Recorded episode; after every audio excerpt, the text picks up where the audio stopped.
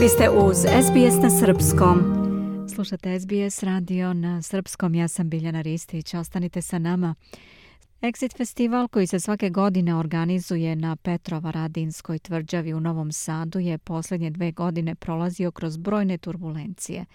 2020. su bili primorani da festival prebace na virtuelnu platformu, dok su 2021. na festivalu mogli da prisustuju posetioci koji su vakcinisali koji su vakcinisani ili imaju negativan test na COVID-19.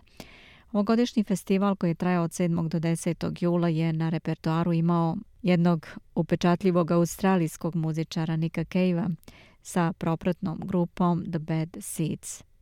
Cave je publiku Petrova Radina rasplakao i raznežio svojim emotivnim nastupom i interakcijom sa publikom javlja naš saradnik Nikola Doderović. Da čujemo taj njegov prilog.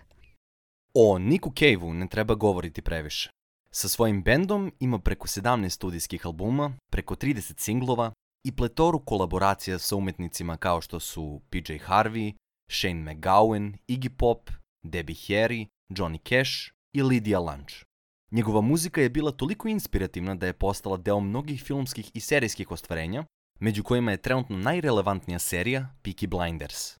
Kao headliner druge večeri Exit festivala za 2022. godinu, publiku nije ostavio nespokojnom. Nastupajući na glavnom stage skoro dva sata, pomoću svojih emotivnih himni je spojio publiku od preko 50.000 ljudi.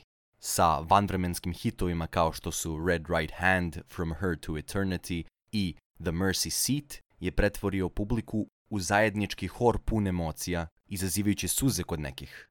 U 2021. godini je imao kolaborativni album sa australijskim muzičarem Voranom Ellisom, čije pesme Carnage i White Elephant smo mogli da čujemo sada i uživo. Naravno, Cave nas nije ostavio bez bisa, za koji je publika glasno molila. Na kraju smo dobili još tri divne pesme, In My Arms, Vortex i Ghost Speaks. Prema rečima organizatora Exit festivala, Cave je sa svojim bendom nagovestio da će mu ovo biti jedan od poslednjih koncerta na neko vreme, nakon predstojeće 18. koncertne turneje, što je ovaj nastup učinio i tekako emotivnim. Međutim, koncert nije bio u potpunosti savršen. Cave-ovo izvođenje je ometala glasna muzika, zbog čega je u nekoliko navrata verbalno reagovao. Čak se i pre izvođenja pesme White Elephant zapitao da li neko može da kaže onima dole da ugase muziku, misleći na Exit Dance Arenu.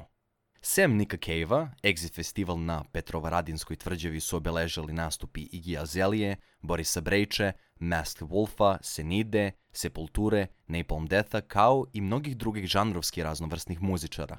Exit se još uvek trudi da bude inkluzivan festival, te se nadamo da ćemo videti još bogatiji repertoar sledeće godine. Za SBS radio Nikola Doderović. Želite da čujete još priča poput ove? Slušajte nas na Apple Podcast, Google Podcast, Spotify ili odakle god slušate podcast.